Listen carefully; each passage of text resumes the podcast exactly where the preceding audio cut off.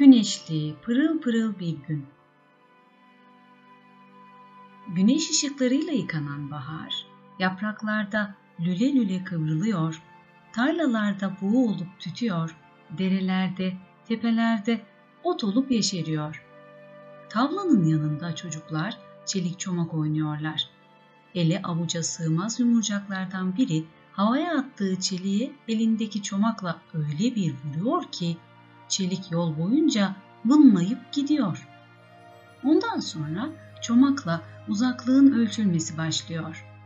1, 2, 3, 7, 10, 15.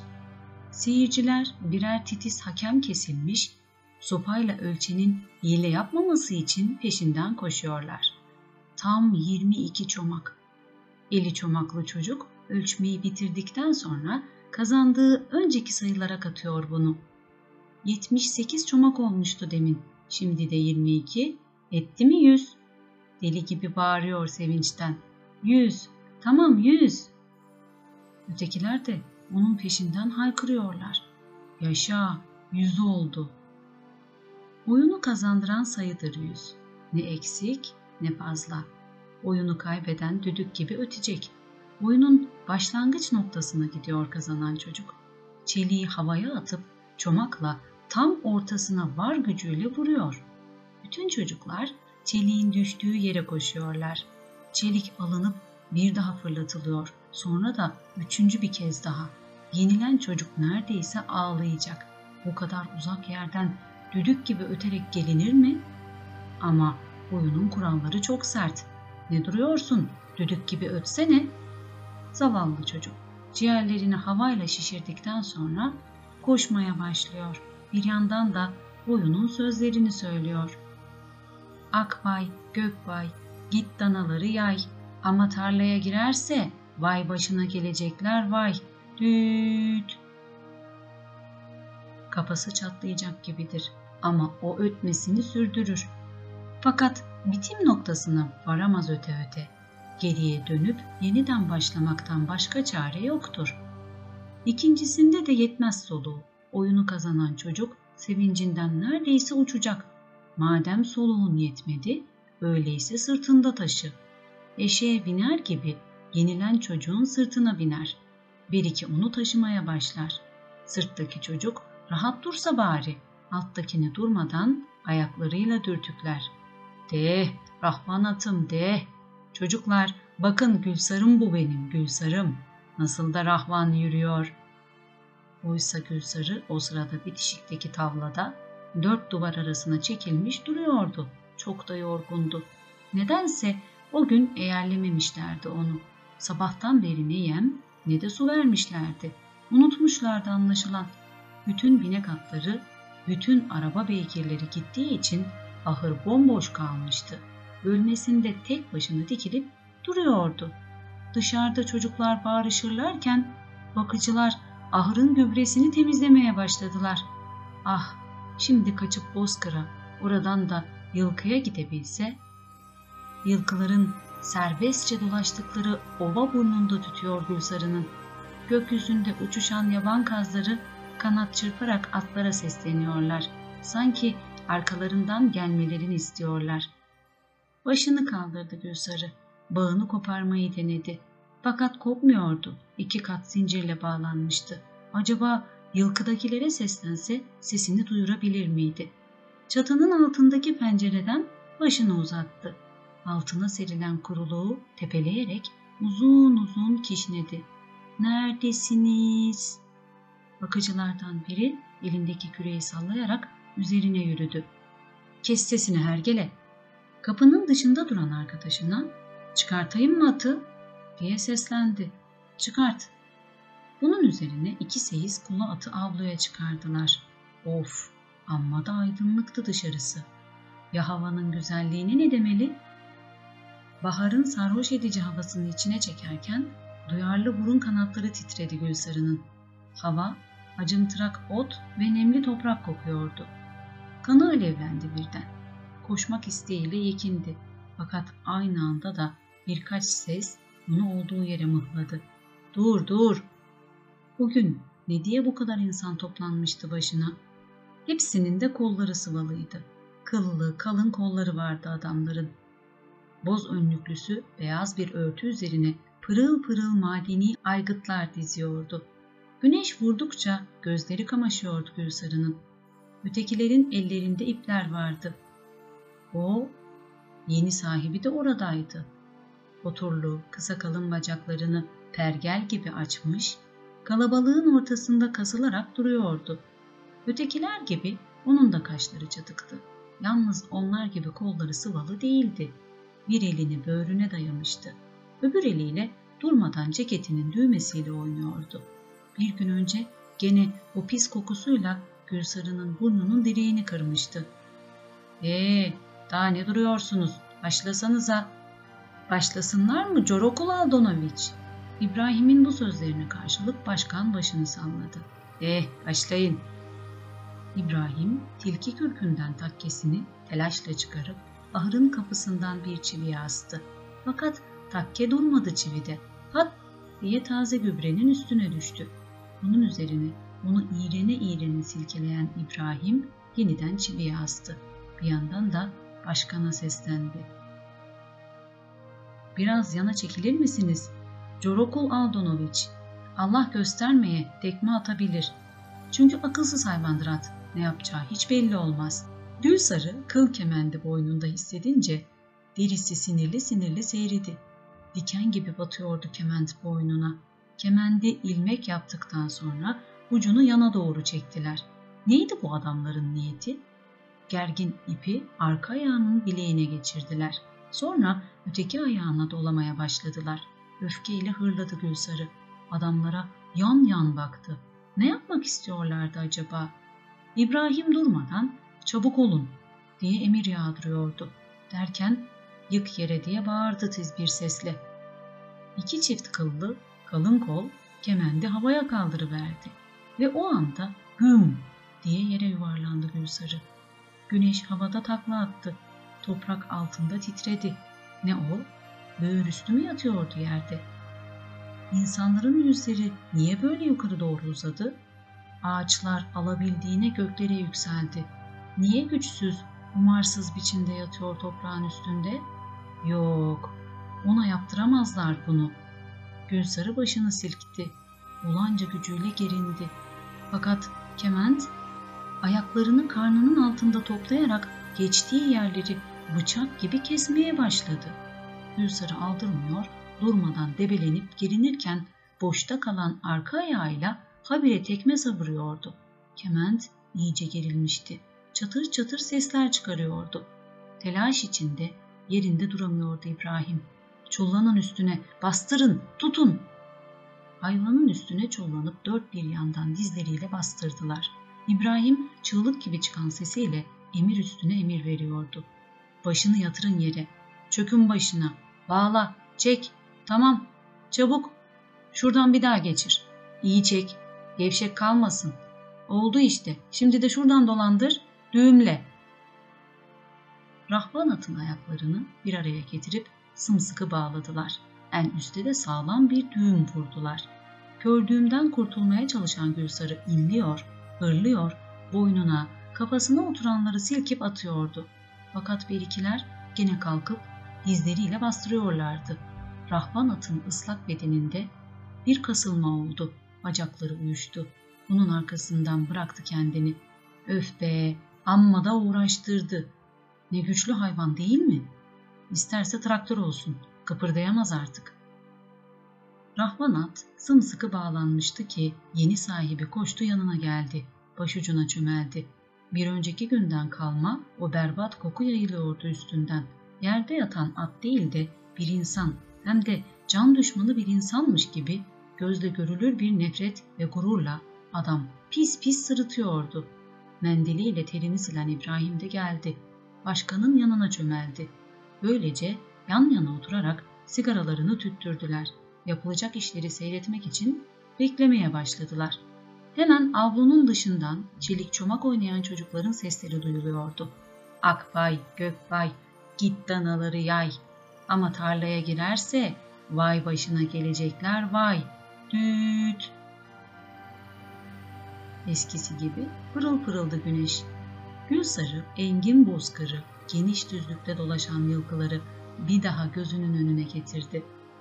Gökyüzünde uçuşan yaban kazları arkalarından gelmelerini istiyorlarmış gibi kanat çırparak atlara seslendiler. Yüzüne o kadar sinek konmuştu ki kovamıyordu onları. İbrahim, başlayalım mı? Corokul Aldonoviç diye sordu bir daha. Bir iki gene başını salladı. İbrahim ayağa kalktı. Atın üstündekiler kıpırdandılar. Dizleriyle, göğüsleriyle Gülsarı'nın gövdesine olanca ağırlıklarını verdiler. Başını toprağa bastırdılar iyice. O sırada birinin elleri kasıklarında dolaştı Gülsarı'nın. Çocuklar serçe gibi duvarın üstüne dizilmişlerdi. Çocuklar bakın ne yapıyorlar gördünüz mü? Rahman atın tırnaklarını temizliyorlar. Sen de çok biliyorsun. Tırnaklarını temizliyorlarmış. Tırnaklarını filan temizlemiyorlar işte. İbrahim onları görünce elini sallamaya, bağırmaya başladı. Hey, orada ne işiniz var? İnin bakayım aşağı. Hadi gidin oynayın. Çocuklar indiler duvardan. Ortalık sessizleşti. Apış arasındaki itip kalkmalardan, soğuk bir şeyin dokunmasından Gülsarı iyice büzüldü. Sahibi boş ucunda oturuyor, sanki beklediği bir şey varmış gibi dikkatle bakıyordu. Derken keskin bir ağrı gözlerindeki aydınlığı söndürdü Gülsarı'nın. Parlak, kırmızı kıvılcımlar uçuştu. Dünyası karardı. Zindan oldu. Her şey olup bittikten sonra Gülsarı bir süre daha bağlı yattı. Kanın dinmesi gerekiyordu. İbrahim ellerini birbirine sürterek keyifle ''Tamam Corokul Aldonoviç, bundan sonra işler düzene girecek.'' dedi. ''Artık bir daha kaçmaz. Tanaba'ya gelince aldırmayın siz ona. Boş verin. O her zaman böyle yapar. Kardeşini acımadı. Ağadır diye Sibirya'ya sürgün ettirdi. Kimsenin iyiliğini istemez o adam. Çividen takkesini aldı. Bir daha silkeleyip tüylerini düzelttikten sonra terli başına geçirdi. Çocuklar hala çelik çomak oynuyorlardı. Akbay, Gökbay, git danaları yay ama tarlaya girerse vay başına gelecekler vay. Düt. Tamam, çizgiye kadar koşmadın. Ey şimdi sırtını. De, Gülsarı de.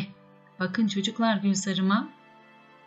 Aydınlık, pırıl pırıl bir gün sürüp gidiyordu. Gece vakit de çok ilerlemiş, yaşlı adamla kocamış at yan yanalar. Yarın kenarında bir ateş yakılmış. Rüzgar estikçe alevler yükselip yükselip alçalıyor. Kas katı donmuş soğuk toprak kula atın böğrünü donduruyor. Ense kökü kurşun ağırlığı altında eziliyor hayvanı. İki ayağı kösteklendiği zaman sıçraya sıçraya nasıl yürümüşse gene öyle başını sallamaktan boynu yorulmuş. O zamanki gibi kösteğini koparıp alabildiğine koşamıyor Gülsarı. Toynakları koşmaktan yanana değin bacaklarını serbestçe çalıştırmak istiyor. Göğsünü havayla doldura doldura düzlüklerde uçmak istiyor. Otluğa bir an önce varmak, kısrakları, tayları arkasına toplamak için boğazını yırtarcasına haykırmak, onlarla birlikte pelin kokulu geniş bozkırda dört nala koşturmak istiyor. Fakat bırakmıyor onun ayağındaki bukağı. Zindandan kaçmış pranga mahkumu gibi zincir şakırtıları arasında zıplaya zıplaya ilerliyor. Çevresi ıssız, karanlık, geniş bozkırda yapayalnız Gülsarı. Bir yandan rüzgar eserken bir yandan da gökyüzünde ay dede ışıldıyor. Başı kalkıp indikçe ay da gökyüzünde parlak bir top gibi yükselip alçalıyor. Yükselip alçalıyor. Bir aydınlık, bir karanlık, bir aydınlık, bir karanlık. Gözleri bakmaktan yoruluyor Gülsarı'nın. Zincirler şıngırdıyor, bileklerini sürterek kana buluyor. Habire sıçrıyor Gülsarı. Çevresi karanlık, ıssız, köstekli yürümek nedenli zor, ne bitmez tükenmez bir yolmuş bu. Yarın kenarında ateş durmadan yanıyor. Soğuk, kas katı toprakta böğrü daha çok acıyor. İki hafta sonra gene yaylaya yeni bir yere göçecekler. Gelecek bahara dek bütün yaz, bütün güz, bütün kış orada geçecek. Bir evden bir eve taşınmak bile ne zor bir iştir. İnsan bu kadar kabuk acağı ne zaman topladığına şaşar. Onun için kırkızlar kendini yoksul sayma, taşınınca görürsün derler. Göçe hazırlanmak, bir sürü eksiği tamamlamak, değirmene, pazara, ayakkabıcıya, yatılı okuldaki çocuğa uğramak gerek. Oysa Tanabay suya düşmüş kedi yavrusu gibi ne yapacağını bilmiyordu. Onun bu tuhaf halleri karısının dikkatini çekmekte gecikmedi. Ortalık aydınlanır aydınlanmaz Tanabay ayağa kalkıyor, iki laf etmeye bile fırsat vermeden yılkının başına koşuyordu. Yemeğe döndüğü zamanlarsa suratından düşen bin parça olurdu. Sinirinden varılamazdı yanına. Sanki bir şey bekliyormuş gibi her an tetikteydi. Karısı her gün ne oluyor böyle sana diye sordu. Fakat doğru dürüst bir yanıt alamadı. Yalnız bir keresinde Tanabay, geçenlerde kötü bir düş gördüm karşılığını verdi. Beni başından sağmak için böyle söylüyorsun değil mi? Hayır, doğru söylüyorum. O günden beri aklımdan çıkmıyor. Demek bugünleri de görecektik. Bir zamanlar köyde dinsizlik kampanyasını yürüten sen değil miydin? Koca karılar durup dururken mi laneti yağdırdılardı sana? Yaşlandın artık Tanabay. Bunu böyle bil.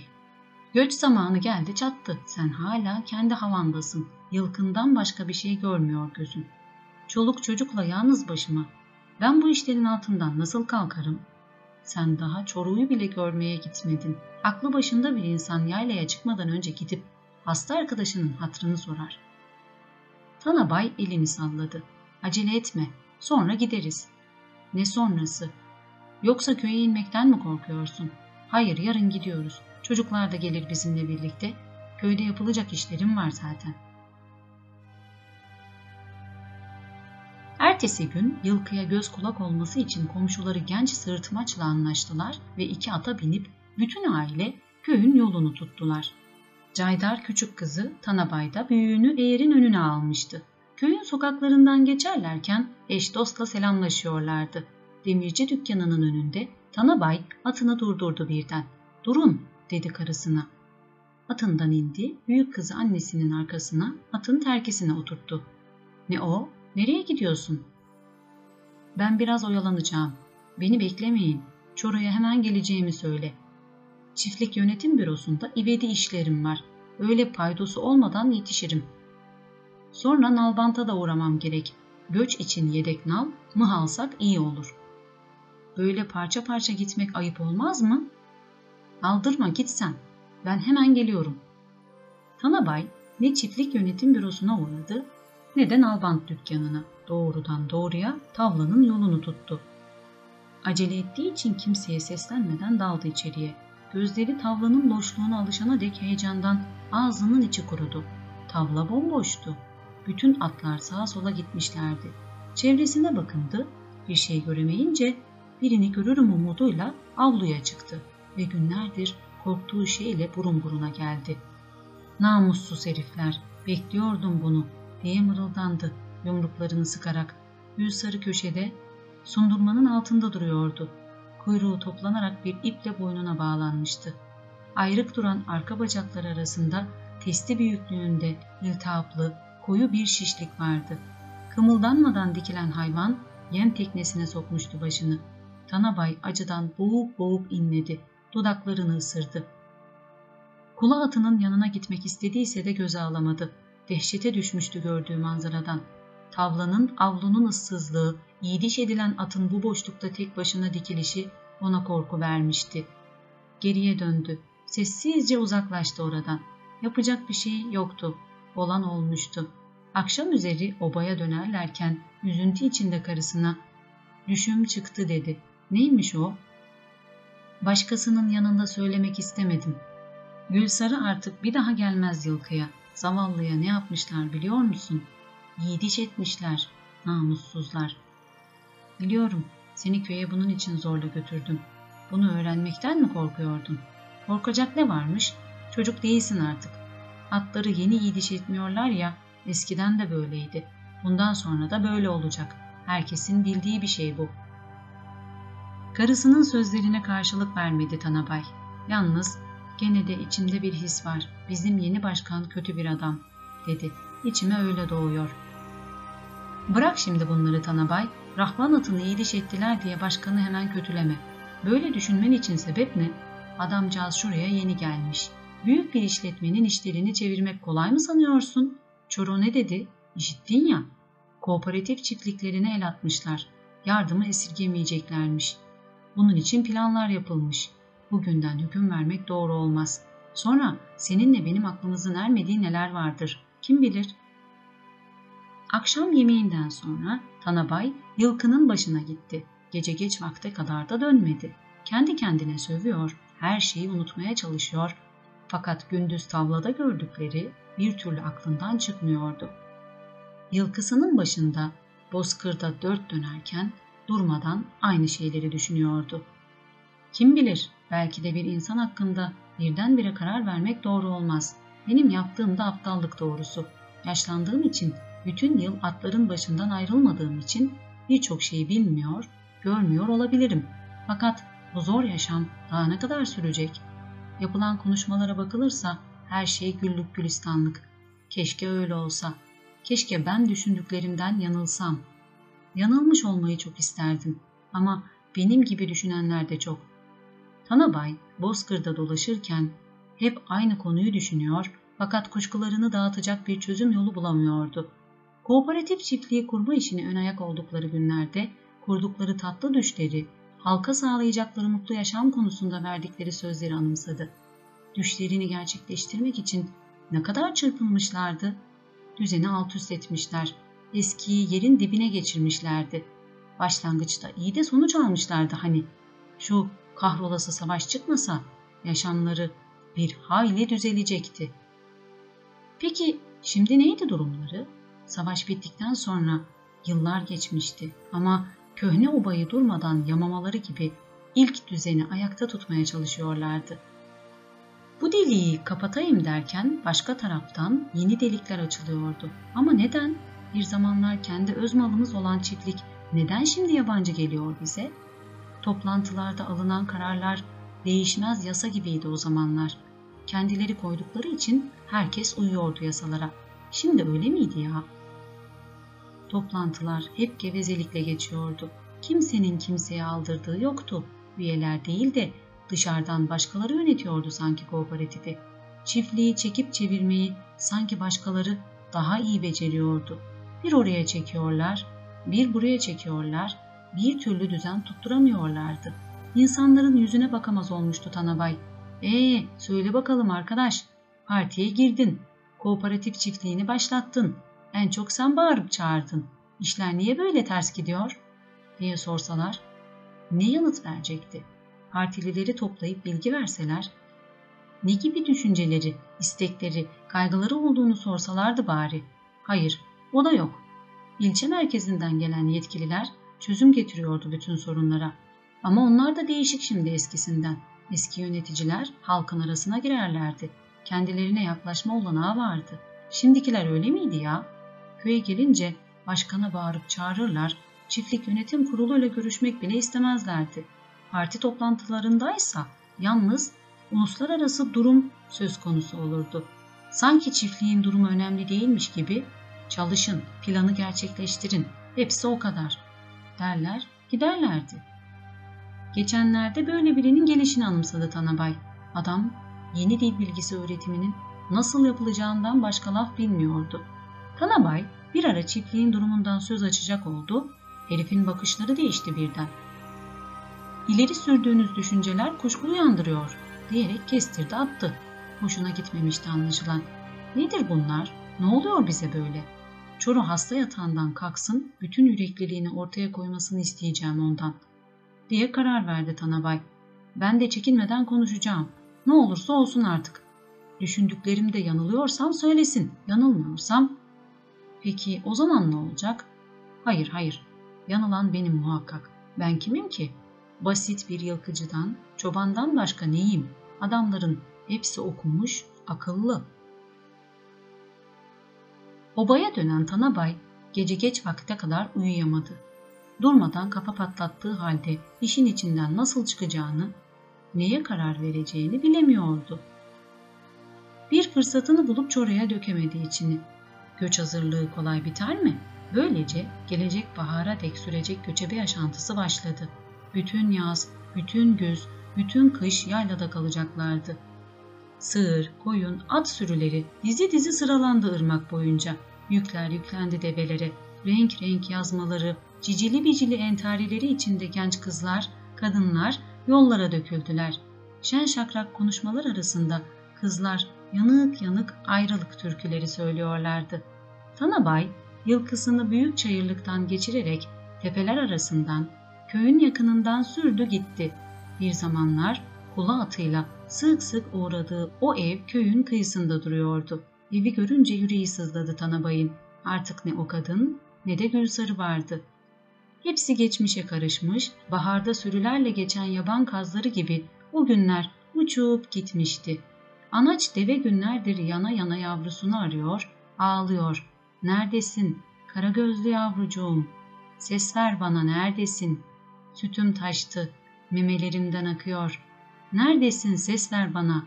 Dolgun memelerimden ak sütüm akıyor.''